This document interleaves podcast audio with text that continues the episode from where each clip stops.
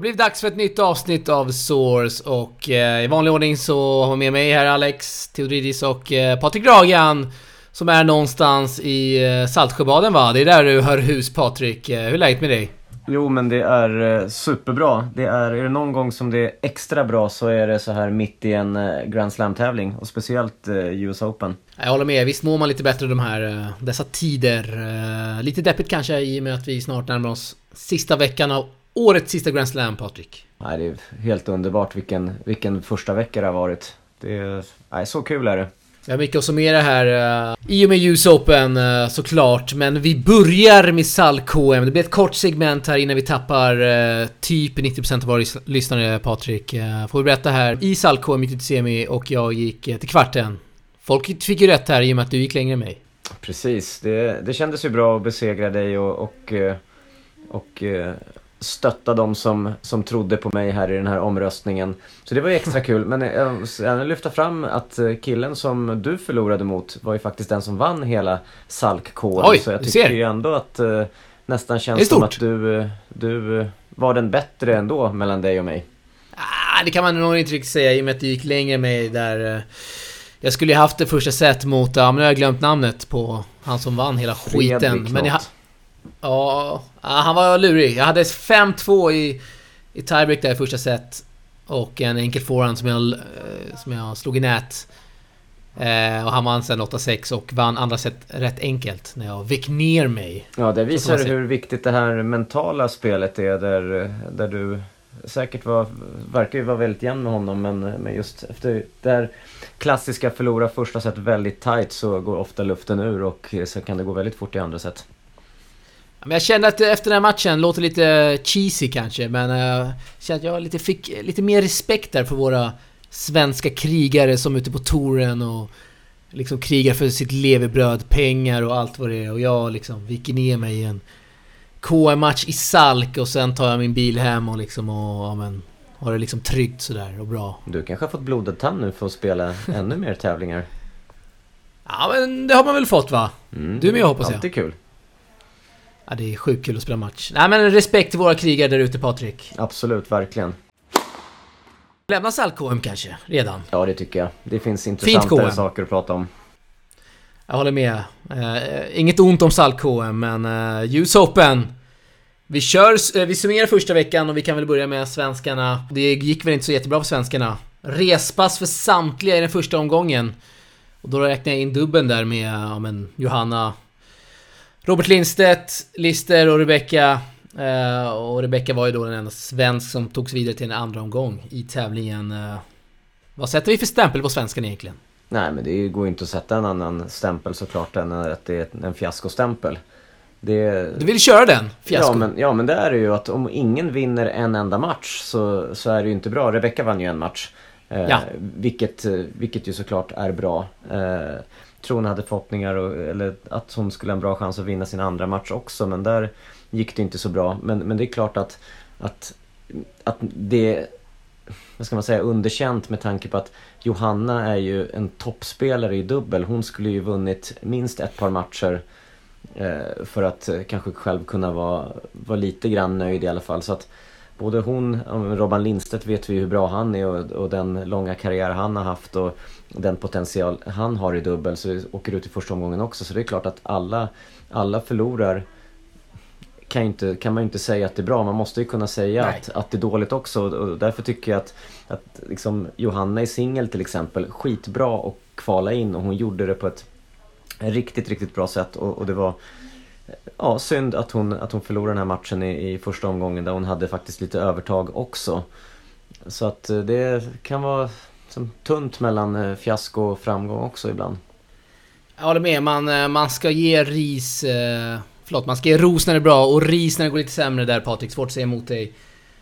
Eh, Lister och Vorakova var ju också rätt stora favoriter. Ja, men jag menar det, de var ju det också. 1,50 på spelmarknaden. Jag menar det, så därför blir det egentligen... Man skulle väl kunna säga så här då, att dubbeln är ett stort fiasko medan i singel, ja, Rebecca vann en match, det är helt Ja. okej. Eh, hon ska enligt, eh, vad ska man säga, enligt lottningsträdet och enligt sin ranking gå max till andra omgången för sen kommer de sidade in så hon gjorde det hon skulle och då är det godkänt. Johanna, 170 i världen, kvalade in. Eh, helt klart godkänt också för hon, tog, hon var inte sidad i kvalet så hon har gjort en bra tävling egentligen mot hur hennes år i övrigt har sett ut. Så man kan väl säga så här, singel helt okej, okay, dubbel fiasko. Ja, så får vi summera det. Speciellt när Robert Lindstedt och Filip Osvald förlorar mot eh, två singelspelare i form av Kovalik och eh, Albert Ramos Vinolas. Precis. Och, och jag menar, och Micke eh, gick, vad ska man säga, bara inom citationstecken till kvalfinal och, och var tyvärr då en plats eh, utanför eh, att komma in i, i huvudlottningen. Och det, det man kan säga här också är att två Lucky Losers kom in. Det var Lorenzi och det var Majczak från Polen. De två gick till tredje omgången. Så att eh, ja, Micke, en liten plats ifrån. Och han hade också kunnat varit plötsligt i tredje omgången. Så det är otroligt, otroligt små marginaler i tennis. Eh, på vad, som, att man, man har förlorat i kvalfinalen men ändå kommer in i tävlingen och lyckas vinna två matcher och med det väldigt mycket poäng och framförallt väldigt mycket pengar i de här Grand Slam-tävlingarna. Måste känns extra surt också eh, med tanke på att Choric där äh, lämnade VO eh, inför sin andra mm, match mm. i tävlingen. Men tilläggas ska att han vann i alla fall. I, han vann ju i första omgången. Ja, det gjorde han. gjorde han. Det är värre om någon lämnar ett VO efter något GM i, i sin första match och fråntar således någon en möjlighet att att spela. Ja, men där är man lite hårdare dessa dagar och det är bara bra. Definitivt. Eh, lite hybris här kanske Patrik, men eh, kan det ha någonting med att portalen inte var där eh, i och med att det gick så dåligt för svenskarna? Finns det någon sån koppling? Ja men... Är det riktig man ska väl inte underskatta, underskatta den support man kan få från, från sina hemmafans. Så att eh, definitivt, du vet ju själv när du spelar KM eller alla som spelar på olika nivåer. När det är publik och kanske någon som stöttar en och man vet att man har lite folk bakom sig. Då spelar man kanske bättre. Du menar på att vi är fans här alltså? Och inte liksom... Uh, något annat? Ja, jag, jag är ett stort fan av eh, tennis och svenska tennisspelare så jag hejar ju definitivt på dem. Så hade jag varit på plats i New York hade jag hejat massor. Ja, det får bli Australian Open. Där vet vi att det redan finns en, eh, en svensk hejaklack som bor i Melbourne. Så de kommer garanterat vara där nästa slam och heja fram. Ja, och precis, kanske Patrik precis. också. Kanske du kommer. Ja, det, det, får vi se. Men du är ju journalist och jag är fan, så, så jag kan ju stå där och, och... Jag håller mig i bakgrunden. Och rapporterar. Ja, precis, precis. Du ska ju granska, oberoende granskare. Ja, men så är det. Eh, så är det.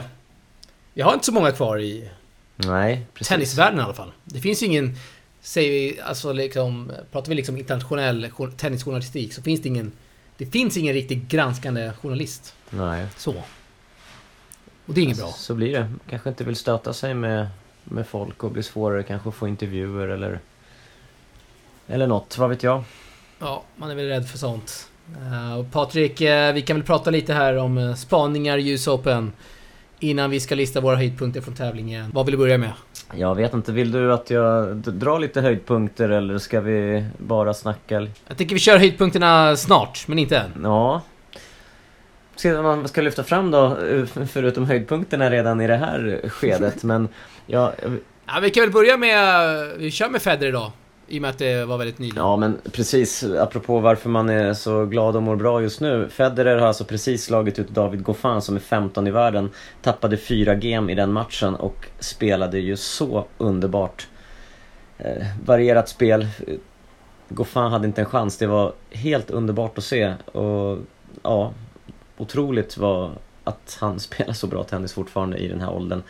Och eh, återigen kan vi lyfta fram, ja, det här har man ju varit eh, på förr, det här kring att de här ungdomarna inte riktigt, eller de yngre spelarna, är, nu klassar jag inte Goffin där för han är, han är 29, men de som är ännu yngre ja. än han, U21-lirarna och så, och så kanske några år till, de är inte vana vid femsetare och de har otroligt svårt att vinna femsetsmatcher. Därför många av det äldre gänget faktiskt brukar gå lite längre i Grand Slam-tävlingar. Så att eh, det det, ja, det ska man inte underskatta. Nej, det ska man inte underskatta. Det är... Eh, nej. Och, och, det, och det var ju samma sak, jag menar i år det var ju tre stycken som var 37 och upp som var klara för tredje omgången i US Open här och det är första gången i US Opens historia som tre stycken 37 och äldre går till tredje omgången och det är ju Federer, Lopez och eh, Lorenzi. På här sidan sen ska man inte glömma att Serena också är otroligt bra fortfarande på, på damsidan som är i, i den ålderskategorin också. Vi kan väl stanna där vid Lopez som eh, förlorade mot Medvedev och det blev ett jävla liv efter den matchen. Well, Daniil, quite an evening, quite an atmosphere in here. You're through to the next round. Talk to us about your emotions and how you're feeling. Well, uh, first of all, what I can say that thank you all, guys, because your energy tonight give me the win. Because if you were not here, guys, I would probably lose the match because I was so tired. I was cramping yesterday. It was so tough for me to play.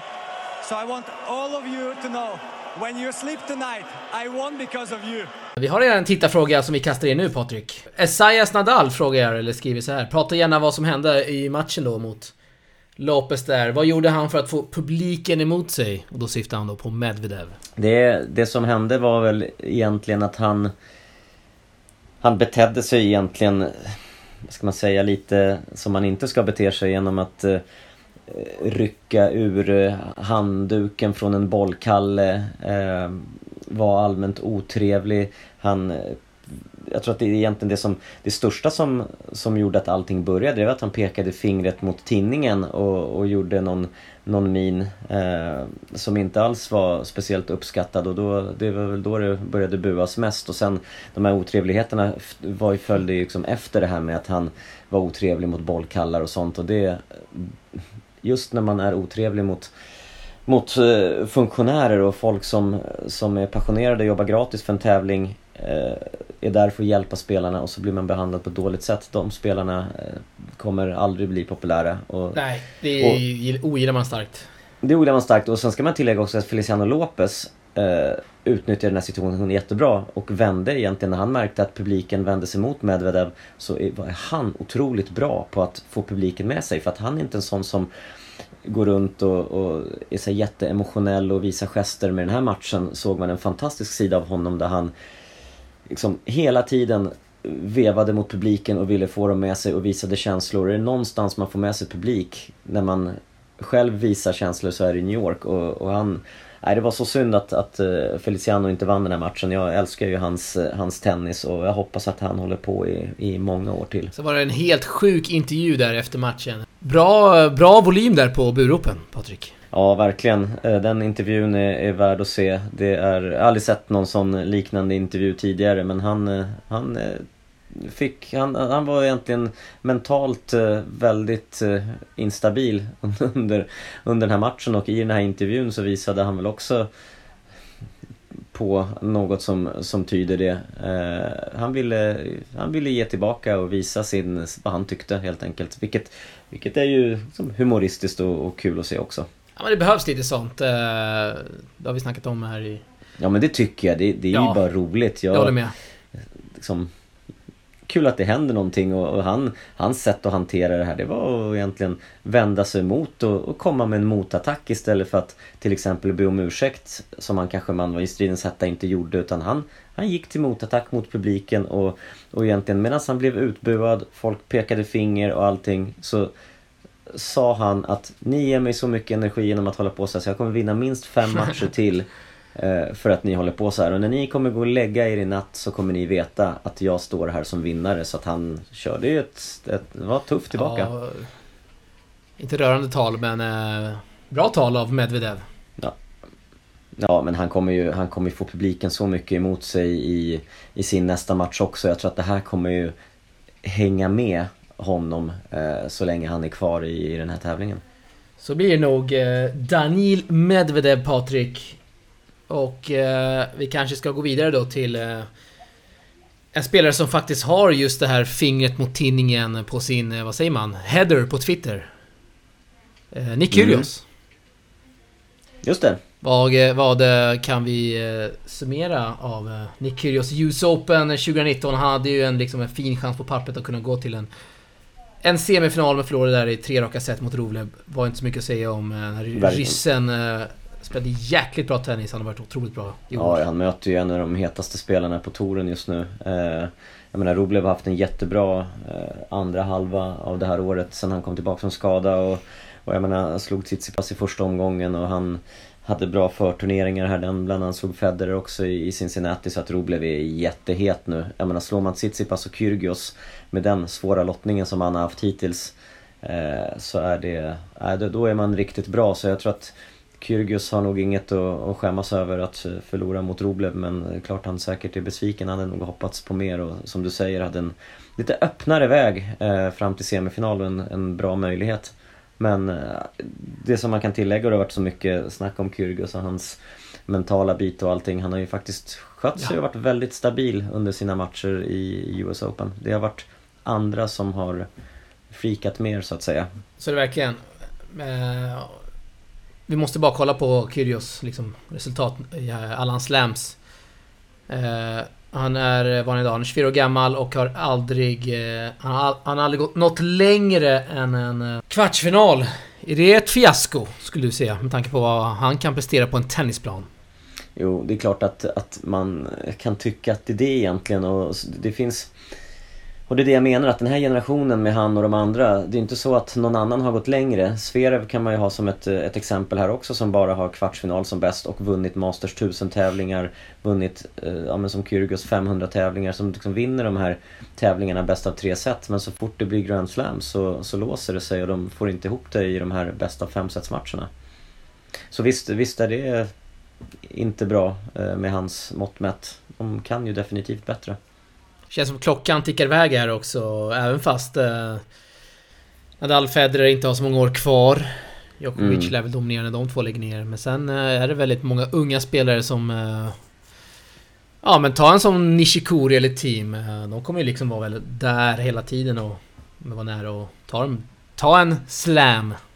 Ta en första ja, slam. Men, men, även, men även för dem så visar det sig att det är otroligt svårt för dem att, att gå... Eh, långt, vad ska man säga, regelbundet. Jag menar Nishikori har varit i final i US Open och, och Team har varit i final i Paris och sådär. Så att de har ju hittat någon tävling eh, per år eller någon tävling eh, ut liksom över flera år där de har gått jättebra. Men den regelbundenheten finns inte så de varvar det här med att förlora i första omgången. Men Team har förlorat i första omgången i två Grand Slams i rad nu efter att han var i final i Paris.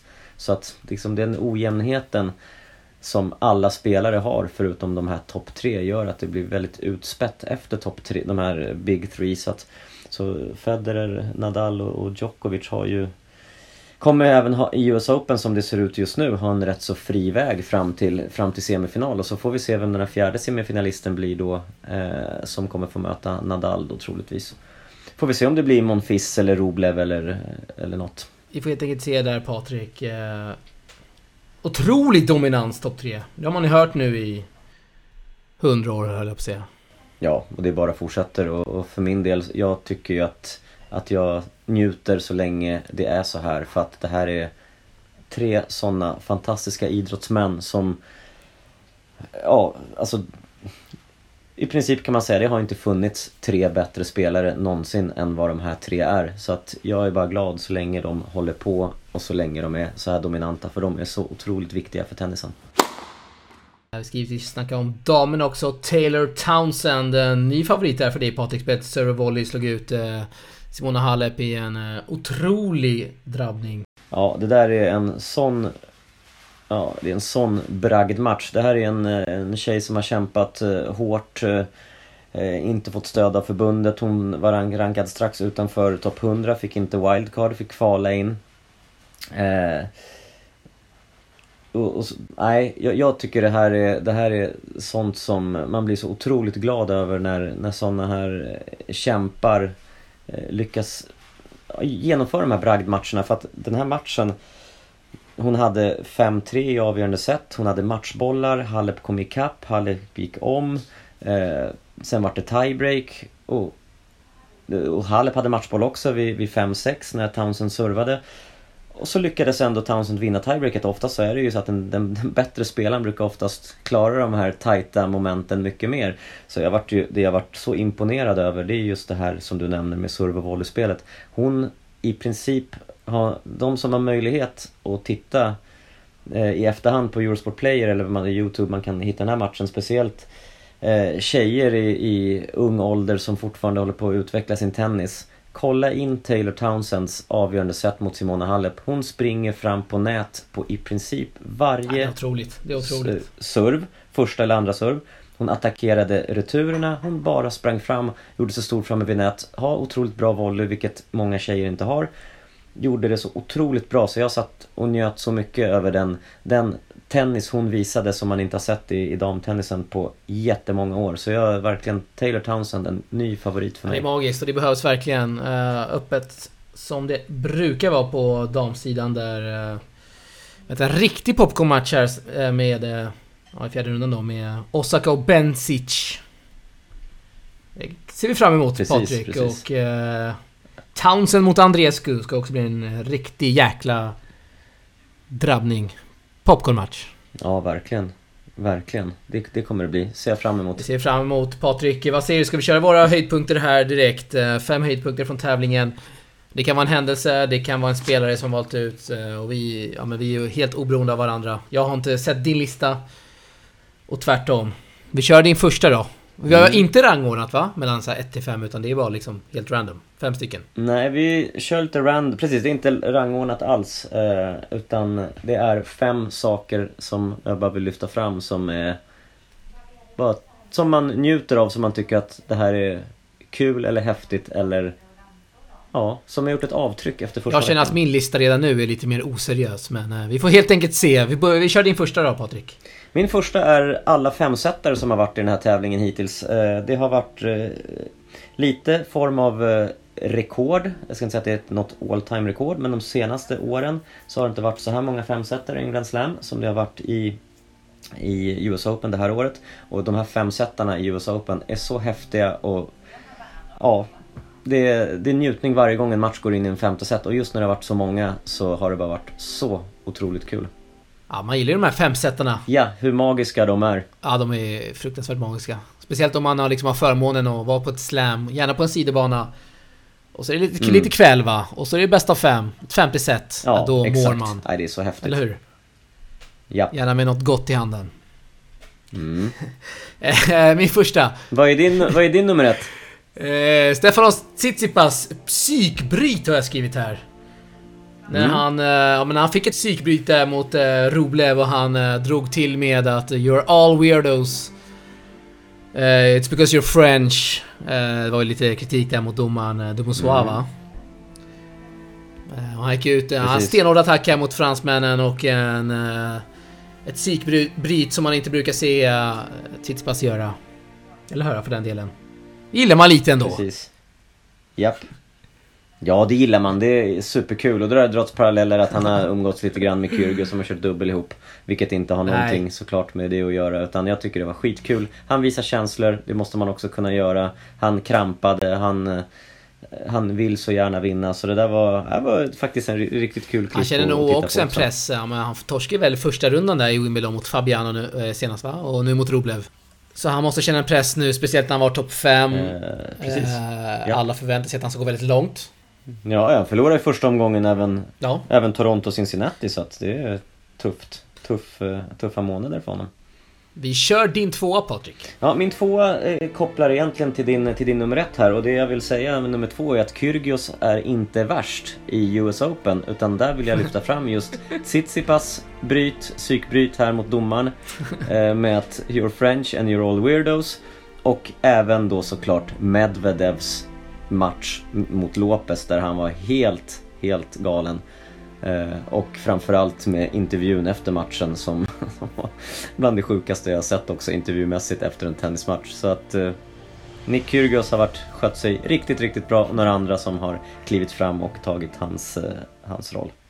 Äh, Inga ord man förväntar sig att men ska komma ur någons mun egentligen. Nej, nej, det, det, Sista du sa där. Ja, det är så roligt. Och det är just det, är det jag menar med de här Grand Slamsen och, och femsetsmatcher, eller du, du nämnde det här med publik och nattamatcher och så här. Det är så mycket känslor och det betyder så mycket och det är det som är så otroligt häftigt. Det är därför det är så kul att titta på tennis. Det, det är just när det blir så här. Det är inte första omgången i en 250-tävling där Nej. ingen spelare bryr sig utan man går runt som de går runt som robotar och, och bara liksom Det är en, som, någon som form av genomfartssträcka fram tills eh, de här Grand Slam-tävlingarna.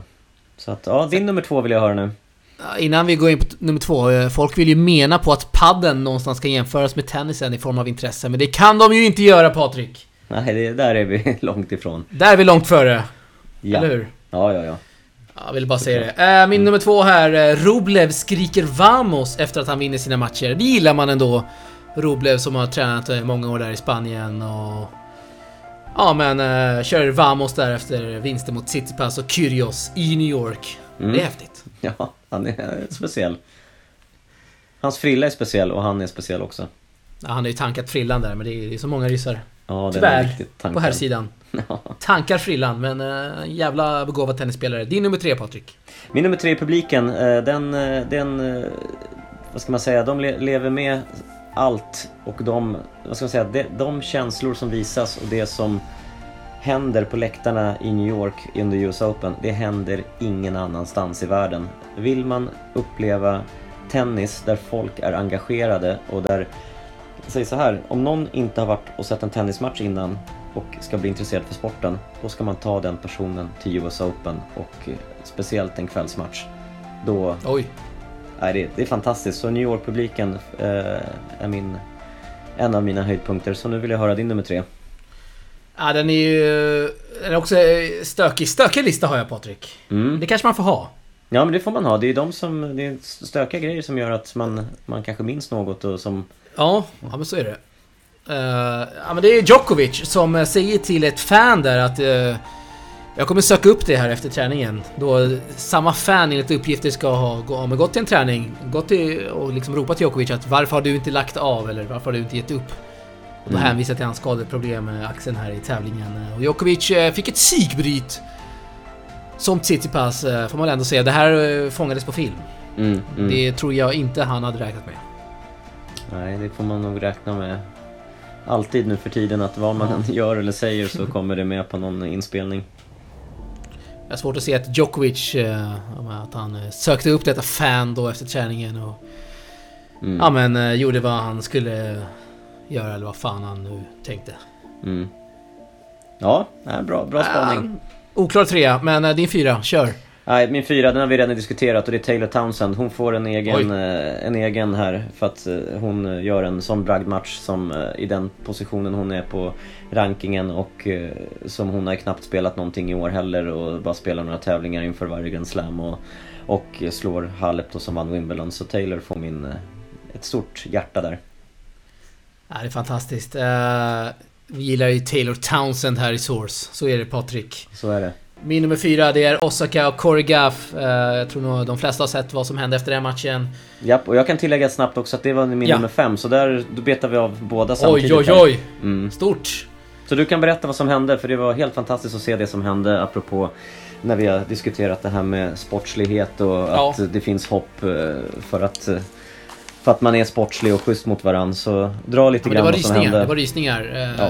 Osaka vann där då mot Gaff i en mycket fin match och... Eh, som det brukar vara så, bruk, ja, så som det brukar vara så kör ju vinnaren alltid en intervju där med, ja, men efter match med spiken och eh, Osaka då tog in Gaff för att hon liksom skulle få känna kärleken av fansen och lite mer stöd då efter en mycket fin tävling. Eh, och eh, hon sa väl också att hon eh, gjorde det för att Osaka, eller för att Gaff inte skulle gå ut i, ja, direkt ut i omklädningsrummet och gråta liksom, utan hon skulle få känna av stödet och det fick hon och det var, ja, det var känslor och Gaff grät och Osaka grät och det var, ja, det var jävligt fint och det kändes inte fake. Så som Mm. det kan göra, typ Mm. vid liknande grejer. Ja, håller helt med. Jag är helt Utan det var genuint och liksom ärligt. Japp. Super, superfint. Och bra gest och... eh, Ja, äh, men precis på så sätt som man vill se en, en världsstjärna av, av eh, Naomis klass uppträda mot, mot någon som är på väg upp och, och kanske eh, är extra... Där det här stödet är då extra viktigt så det är ja, ett ri- riktigt stort eh, ögonblick i, i första veckan här, US Open. Magiskt. Eh, Jag kan köra min sista då Patrik, eftersom du har Yes. betat av alla. Japp. Eh, Yorkshire, eh, utmanar det för det första, Yorkshire. Säger man så? Eh, Staden i England. ja, ja, ja. Det finns en journalist därifrån, du vet vem det är? Han som gillar Zverev, eller älskar Zverev. Nej, jag har ingen koll på honom. Ingen koll! Nej, det är du som har, du har hängt mycket i de där pressrummen. som- Sant! men under han har ju blivit extremt viral där efter någon eh, presskonferens eh, för två år sedan i Franska öppna. And if so, what will the difference be? Where are you from, buddy? Uh, do you want to guess?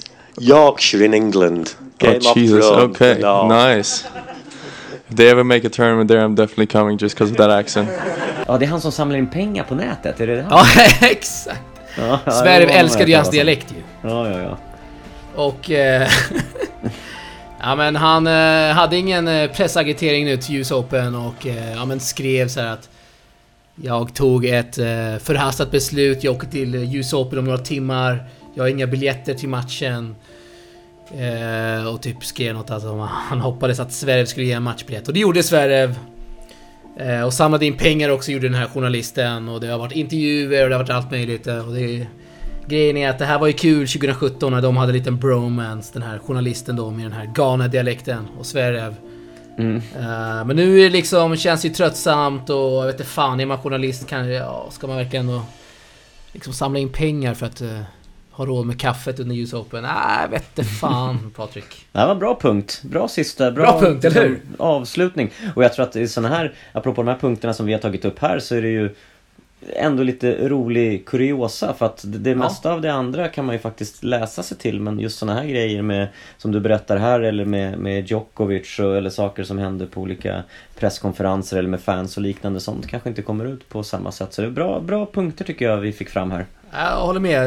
Det var lite, lite anledningen. Jag hoppas att våra kära och fina lyssnare gillar det också Patrik. Mm, ja, det, det tror jag. Och eh, vi går vidare i podden och eh, ska prata om någonting som inte ens existerar.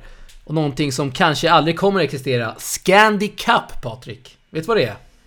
Ja, ja vad, vad kommer det här ifrån? Det var någonting som kom här i, i dagarna nu som eh, man hade som ett alternativ till ATP Cup som ska spelas i början på året. Ja, det är ju Paul Timmons på Twitter. Ja, Som eh, drog en tweet här. We clearly need a Scandi Cup at the same time as the ATP Cup. Mm. Alltså en tävling mellan då de nordiska länderna som gör upp då i en, ja men... Gör upp om det bästa landet i Norden och det här vore ju... Det vore ju magiskt om det skulle ske. Men då skulle det här ske nere i Australien eller hur är det tänkt? Nej, det eller räknar man, inte. räknar man med att de, de nordiska länderna inte kommer få någon representant i, i ATP Cup eller? Det framgår inte. Nej, det... Det, som- det som vore kul, det, det jag tänkte när jag såg, såg den här idén, det är mer att det här är en sån här novembergrej. Ja men när, det, när, jag hade den känslan också. mm, när, när som touren är klar. Eh, Typ i. Kungliga, eller Ja, vad fan men det? Någonstans. Nästan som, som Finnkampen i friidrott. När man, man kör just en sån här, det är klart att, att det liksom hade säkert varit roligt. Eh, och just eh, både damer och herrar. Eh, nej, det är absolut. Det det är väl bara roligt med såna här Kanske en, kanske en mixed, mixed-tävling också.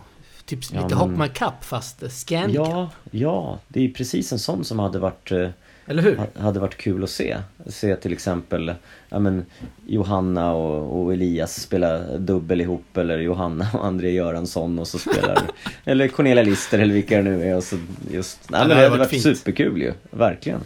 Ja, med tanke på att, eh, måste ju säga det, att de nordiska länderna, eh, de är ju på gång. Vi kollar här sidan, de har liksom Kasper Rud, eh, vad är han? Topp 60 på ATP, Durasovic, en eh, fin, eller fin, en okej Challenger-spelare. Mm. Danmark har Torpegard, eh, Holger Rune, världsettan bland juniorer. Eh, Fredrik Nielsen. Fi- Finland har... Eh, vad heter han? Russovori som har gått hur bra som helst senaste tiden. Ja, han är faktiskt eh, roligt att du nämner honom för han eh, han har ju faktiskt precis vunnit finalen i Ja. Rafael Nadal Open på Mallorca. Så att Emil Russivori slog ju Matteo Viola där med 6-0, 6-1. Varför jag nämner Oj. det eh, är ju för att Matteo Viola slog ju faktiskt Andy Murray i kvartsfinal i den här tävlingen. Så Viola går sen vidare till, till final och blir krossad av Emil Russivori. Så att vi har ju en, en finne som är, han är 20 år och han är Ja, efter den här segern så är han topp ja, top 170 tror jag, eller 180 i världen. Så att han är otroligt. Eh, väldigt, kommer nog bli väldigt, väldigt bra. Så att, så Kasper Rud, vi har finnen. Henrik Kontinen, får inte glömma. Ja men precis, Kontinen, världsetta i dubbel har han varit så att... Nej det är... Eh, damen också tanken liksom. kittlar. Ja men Wozniacki, eh, Klara Tauson där, eh, som också varit världsetta bland tjejerna. Mm. Nej, Det skulle vara en jävla fin tävling. Scandi Cup. Ja, jag hade lätt varit publik på en sån. Det är ju superkul. Just, just det, jag gillar ju Hoppman Cup-upplägget där med just en här singel, en damsingel och sen att, att man kör mixed och, och hur... Jag brukar vara charmiga de här mixed-matcherna. Det är lite uppvisningstennis på just mixed i, i Hoppman Cup till exempel. Men det är kul. Federer och Belinda Bencic och Serena Williams har ju varit där och kört med, med Tia Foe också. Det är ju roliga, roliga par som, som slår sina påsar ihop och kör. Så att det hade varit kul faktiskt. Ja, vi har ju taggat in eh, alla möjliga förbund här på vår Instagram. Eh, Det är norska, danska och finska förbundet och Mm. svenska såklart. Ingen respons ännu Patrik, men det kanske kommer. Ja, de får fundera lite. De får ha lite möte först och sen, sen så får Mackan och Cornelia Lister börja göra sig redo för en, en dubbelmatch. Ja, det är Scandi Cup. Vem vet? Kanske, kanske sker det om eh, några år här. Det vore ju underbart. Ja men precis.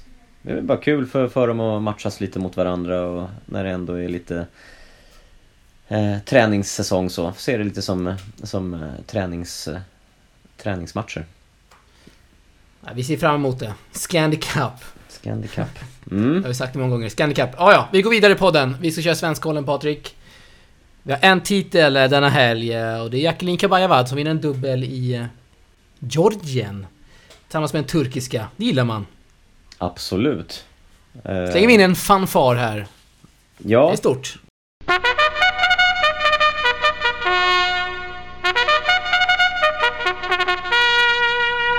varje titel som vinns av, av de svenskar där ute är ju, är ju jätteroligt och eh, oavsett singel eller dubbel så stort grattis. Man, man gillar också att coachen då, Linus Eriksson, som vi har haft i Source här. Mycket härlig kille. Han eh, hyllade tur turkiska förbundet där som twittrade om det. Samtidigt då i Mm. samma tweet eh, gav en liten känga till eh, svenska förbundet. Eh, Sånt gillar man. Ja, absolut, absolut. Det är som sagt kul när det händer lite. Vi gillar många saker här i Source. Vår favorit Niklas Johansson, han tog tre game mot eh, Kravchuk va? En eh, fin spelare för några år sedan. Varit lite skadad och allt möjligt i Precis. Kazakstan, en 25 Ja, men eh, som sagt, som, som du säger, han fick stryk av Kravchuk i både singel och dubbel där. Men jag såg ju, när jag var på kvalet i Australian Open här för, för ett par år sedan så, så såg jag Kravchuk där bland annat. Så han har ju spelat som alltid från då Grand Slam-kval till ATP-tävlingar. Så att det är klart att det, det är, när man väljer att, att resa till de, de resmålen som Niklas Johansson reser till så räknar man inte med att man får en spelare av Konstantin Kravchuks kaliber i första omgången. Nej. Så det är egentligen, med den lottningen skulle man kunna vaska den resan och spara tiden istället. Men nej, det är stort att han åkte, åkte dit och fick sig en han fick sig tyvärr en, en rejäl omgång men som sagt Kraftchuk är en bra spelare. Så vi får se vart nästa, vi vad eh, nästa tävling lider med blir. Niklas Johansson. Vad sa du? Får se vad nästa tävling blir för honom. Jag har inte sett någon, eh, honom i någon anmälningslistor här framöver så han är väl tillbaka i Sverige och tränar lite och kanske... Ja, kanske att vi får tag på en intervju där med Niklas Johansson. Ja men du får jaga honom i, i Falun och eh, i Danderyd där Future-tävlingarna, han brukar spela de som är i Sverige. Så där får du, du får får gå in på banan direkt efter att han är klar och fånga in honom. Med kameran på. Ja, Då... där kommer han inte Då har vi i undan alla dig. fall några ord. Va? Då kommer han inte undan dig. Nej. Nej, Nej, så är det. det är en plan. Det är en bra plan. Uh, Susanne Selik tog 3 game på en filtmatta i Japan. Det är också en... Också en 25 Ja Ja, hon drog dit direkt Eh. efter US Open-kvalet. men det stämmer. Mm. Stämmer bra. Ja, det är tufft, såklart. Tidsomställning och uh, nytt underlag och... Ja, den är tuff. Ja, det är mycket tuff. Eh, Mackan Eriksson, eh, två raka här. Torsk mot eh, den tidigare italienska supertalangen Quincy. Som har väl någon titel, eh, har väl något eh, slam va? Junior slam. Ja, men han, eh, han eh, var ju med här i U21 i Milano också. Fick han ju wildcard Ja, till stämmer. och eh, spelade faktiskt väldigt jämnt mot alla de andra toppspelarna i hans ålder. Så att där visste man på förhand att det skulle bli en, en svår match. Men eh, vi kan flagga i alla fall för nästa veckas eh, Challenger-tävling i Ja. Cassis i Frankrike. Är ju faktiskt, eller nästa veckas, det är den här veckans eh, blir det om podden släpps på måndag så är ju faktiskt Gör både det. Andreas Siljeström med, vi har André Göransson, vi har Micke Oj. Ymer och vi har Mackan. Så fyra svenskar på plats i, i Cassis den här veckan. Nästan så att man... Eh, Ska åka ner. dit. Åk ner nu. Ja. Perfekt ju. André Göransson är också med. Sa Ja, ja, André Göransson är Det med. Sillen, Sillen, André Göransson och Mackan i dubben. De, är, de alla tre spelar dubbel. Japp. Och eh, Mackan och eh, Micke Ymer i singeln. Ja, det är ju så jävla... Ja, det är magiskt startfält. eh. Ja, det är... Ja, men precis. Är Ja, det riktigt fina spelare. någon tävling man ska åka till så är det just de här där, där många svenskar spelar. För det är väldigt, väldigt ovanligt att vi har så här många svenskar som spelar samma tävling. Verkligen. Eh, Jag ser också här att Tsonga och Jasiri spelar singeln. Det är fint. Ja, ja, ja, precis. Det gör de ju. Så... Oj, oj. Och det är en väldigt fin ort nere på, ja det ligger ju längs den nära Marseille eh, mot, mot Medelhavet. Alltså jag kan tänka mig att det är väldigt vackert där också. Så hade, hade jag vetat det här för några veckor sedan så hade jag planerat in att åka på Ja men det, så är det, det blir så, så otroligt sista minuten när man, när man märker det här Ja. får man ju reda på egentligen först när lottningen släpps att alla de här är där. Men vet man det lite grann i förväg, lätt att jag hellre åker till, till en sån här tävling nere i en skön liten fransk ort än åker till en ATP 250 tävling där inte en enda svensk spelar. Typ i Nej. Metz eller Sankt Petersburg. Jag håller helt med. Kanske vi får köra någon turre här. eh, Får vi fråga svenskarna innan kanske? Ja men precis, få någon form av hint. Ja, Mm. nej, eh, Kassis. Vi får se vad budgeten säger. Kanske blir det, kanske... eh, Kanske blir det bara en tanke, Patrik. Eh, vad har vi mer för svenska resultat? Det har varit mycket rött. I och med att det har varit US Open. Ja, och precis. Resultinappen. Ja, det har inte hänt, eh, det har faktiskt inte varit eh, så många svenskar som har, som har Nej. spelat i veckan så att eh, det är väl egentligen inget mer att säga än det vi har nämnt.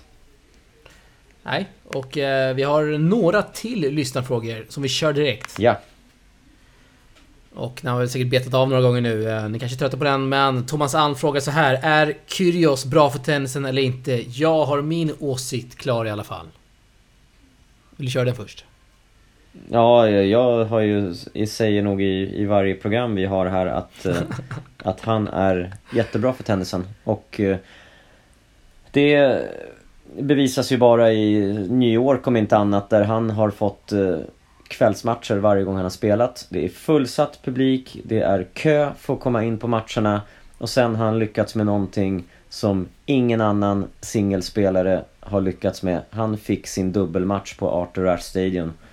Eh, så att det är... Det, vi stoppar där. Det är helt otroligt med tanke på att han spelade med liksom Marius Kopil. Exakt, och det visar hur, hur mycket, vilket, vad ska jag säga, det visar vilket marknadsvärde han har. Så att han är jätte, jätteviktig och bra för tennisen. Och för intresset. Ja, vi... Så är det. Eh, Inte så mycket att tillägga där. Jag har väl tjatat om det här några gånger nu Patrik, men eh, jag gillar vi ändå. Snacka Kyrgios. Absolut, det, han väcker ju känslor. Så är det. Kristoffer Karlén här. Ni kanske kan hjälpa mig att förstå varför Coco Gaff spelar main draw i juniorklassen. Finns det en vettig anledning? Eller är det, jo, jag säger det, ett obskyrt mediatrick? Nej, så här, det, det är ju så här att hon är ju... Alltså anledningen till att hon gör är ju hon är alldeles för bra för att spela juniorklassen. Oftast så är det ju så att Ja. anledningen till att hon spelar juniorklassen är ju för att man inte är tillräckligt bra för att spela seniortävlingar. Men är någon riktigt, riktigt bra fast den är junior, då spelar den seniortävlingar. Alexander Zverev är ju ett exempel som inte har spelat den här U21 i Milano på grund av att han har varit så pass bra så att han har spelat ATP-slutspelet i London med med de seniora spelarna och det är samma sak här med Coco Gauff. Hon är ju alldeles för bra för att, för att spela i juniortävlingen och hade det varit något form av PR-trick då hade ju hon förlorat i första omgången i varje tävling hon spelar men hon går ju till tredje omgången i US Open, tredje omgången i Wimbledon så hon, hon kan ju spela så att säga. Så är det eh, verkligen. Vi ska se det också att hon har liksom vunnit, ja, vad är det, två, tre Grand Slams på juniorsidan redan. Mm. Eh, Fick wildcard i Wimbledon senast i kvalet, vann alla, alla tre matcher. Eh, Och sen vet vi alla hur det gick där i huvudtävlingen. Och fick ett WC nu också och liksom vinner, ja, men vinner några matcher i US Open också. Så, det, Ja, hon ska inte spela junior, hon är för bra Nej. för det helt enkelt.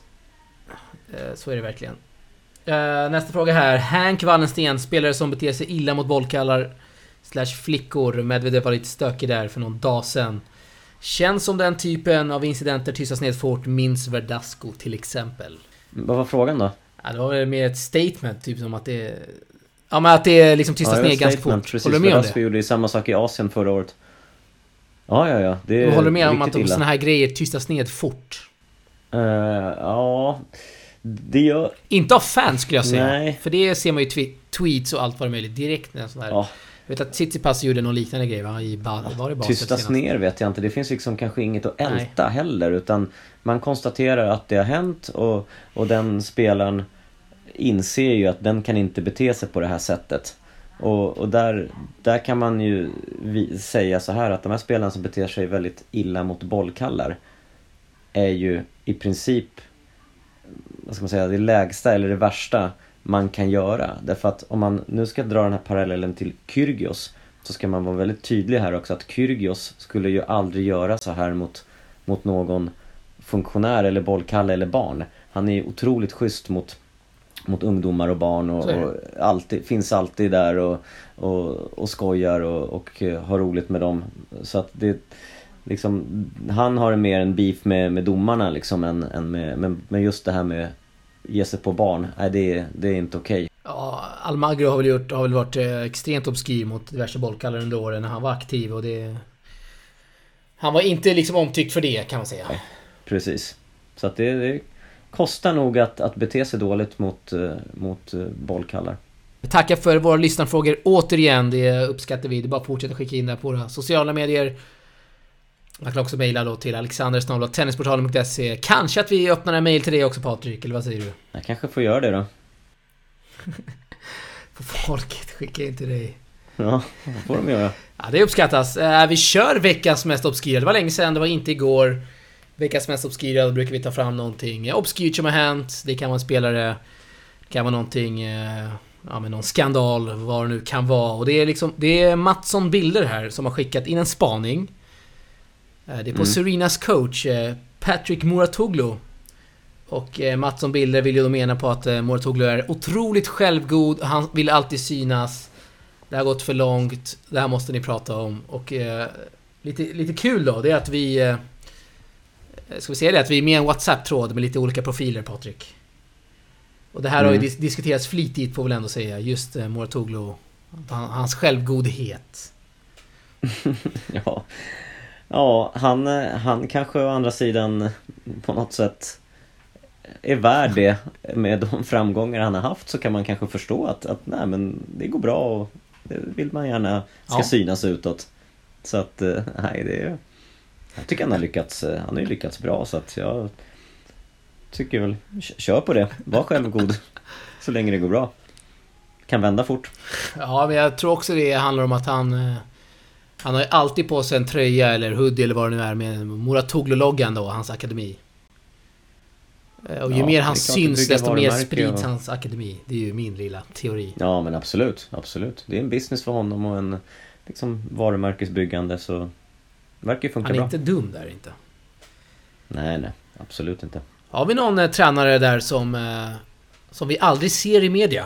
Eller någon eh, spelare som aldrig... Som typ inte vill synas? Har vi någon sån? Spelare? Ja, spelare eller coach. Kommer du på någon? På Robin Södling var väl en sån Det var va? han va? Ville väl inte synas i... Ja, var lite mediaskygg och tyckte väl inte att det var speciellt roligt. Ja, det får man eh, vara. Om man vill. Mm, absolut. Absolut. Jag tror att han kunde koncentrera sig bättre genom att inte vilja göra någon media. Nej. Men annars så här på rak arm av... Ja, säger aktiva då. av toppspelarna nu Jag vet, jag vet faktiskt inte Tycker väl att alla Alla är väl tvingade till Till att göra det och, och så kan man ju kolla När man ser intervjuerna så ser man ju vilka som vill vara där och inte vara där Jag menar Kyrgios i presskonferenserna Som han har haft kanske inte alltid varit så på bästa humöret heller Nej, det är Kyrgios show. Uh, Patrik, en sista grej. Det blir en låt som jag denna gång uh, basunerar ut. Vi fortsätter på vårt lilla techno-tema. Och eh, vi kör en Spännande. riktig dänga här av Scooter. Gillar du dem? Mhm Ja absolut, det har eh, varit mycket eh, lyssnande till honom i slutet på 90-talet Definitivt Jag växte ju upp då med Scooter när jag var liten grabb och... Du är väl vuxen då va? Eller? Ja, jag var runt 20 när eh, han var som hetast. Då körde du CD-spelaren. Gör du den? Mm, exakt. Då var det CD-spelaren. MP3-spelaren, den kom senare. Eller? Ja, den eh, kom senare. Då var det CD som gällde när man... Fick man gå till affären och köpa en CD-skiva med Scooter och så hade man 10 låtar med honom och så var man nöjd. Nej, magiskt. Så var det på den tiden. Nej, magiskt. Scooter avslutar vi med eh, Patrik.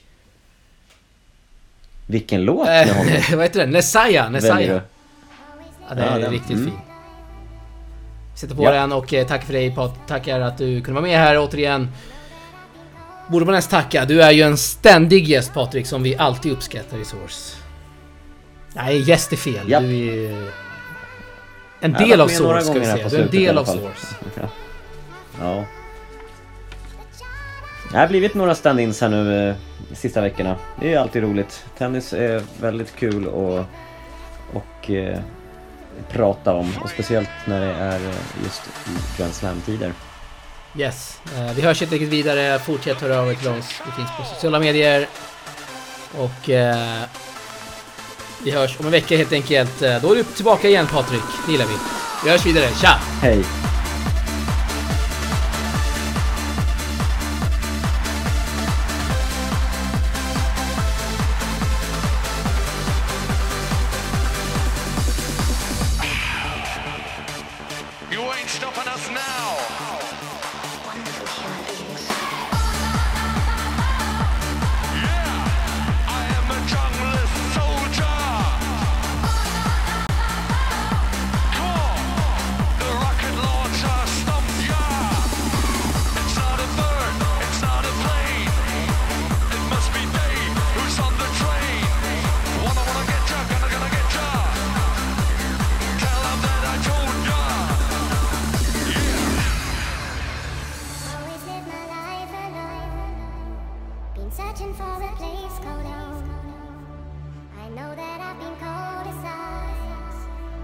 all the dreams to make